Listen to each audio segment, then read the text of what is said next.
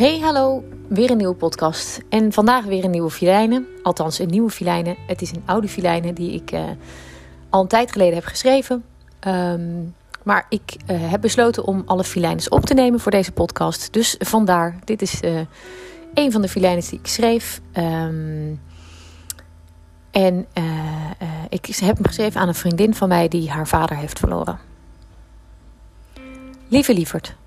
Twee weken geleden was de dag die je nog lang niet wilde ervaren. Twee weken geleden zat die kerk bomvol lieve mensen. Twee weken geleden droeg jouw lieve man jouw vader naar zijn graf.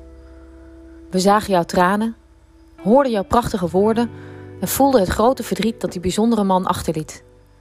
En vandaag eet iedereen weer ijs. Want vandaag laat de zomer zich weer van haar beste kant zien. Vandaag loopt iedereen met een glimlach door zijn leven. Vandaag lijkt het leven zorgeloos. En weet je wat ik nou zo knap vind? Dat jij diezelfde zorgeloosheid uitstraalt. Want je bent moeder en je kinderen willen ijsjes eten. Natuurlijk weten ze dat je verdrietig bent. En natuurlijk snappen ze dat je opa mist.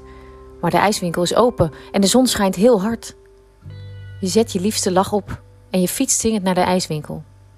De ijswinkel is vol. Binnen en buiten zitten kinderen met hun ouders te genieten en iedereen lijkt vandaag extra vrolijk. Welke smaak neem jij, mam? roept je dochter door de winkel. Zeker chocola, want dat nam opa ook altijd. Je lacht bevriest. Je ogen dwalen af naar al die momenten waarop je hier met je vader ijs ging eten. Eerst zelf als klein meisje, later kocht hij ijsjes voor jouw kinderen. En altijd nam hij er zelf ook een. Een horentje met een bolletje chocolade. Hij ging dan zitten en genoot volop van het ijsje. Het laatste hapje nam hij altijd met zijn ogen dicht. Mam, wakker worden! Je schrikt en ik zie dat je terug bent in het nu. Het warme nu, waarin je vader niet meer bestaat. Je wil geen ijs. Je wil hard huilend de winkel uitrennen op zoek naar een paar hele grote armen om in weg te kruipen. Je wil schreeuwen tegen iedereen: Papa is dood. Hou op met lachen. Hou op met ijs eten. Hou op met zorgeloos genieten. Maar dan zie ik je glimlach terugkomen. Je ogen worden weer zacht en zelfverzekerd stap je naar de toonbank.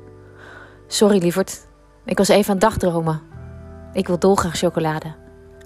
Samen genieten jullie van de ijsjes. En ik zie dat je het laatste hapje neemt met je ogen dicht. Ik ben trots op je. Liefs, Filijnen.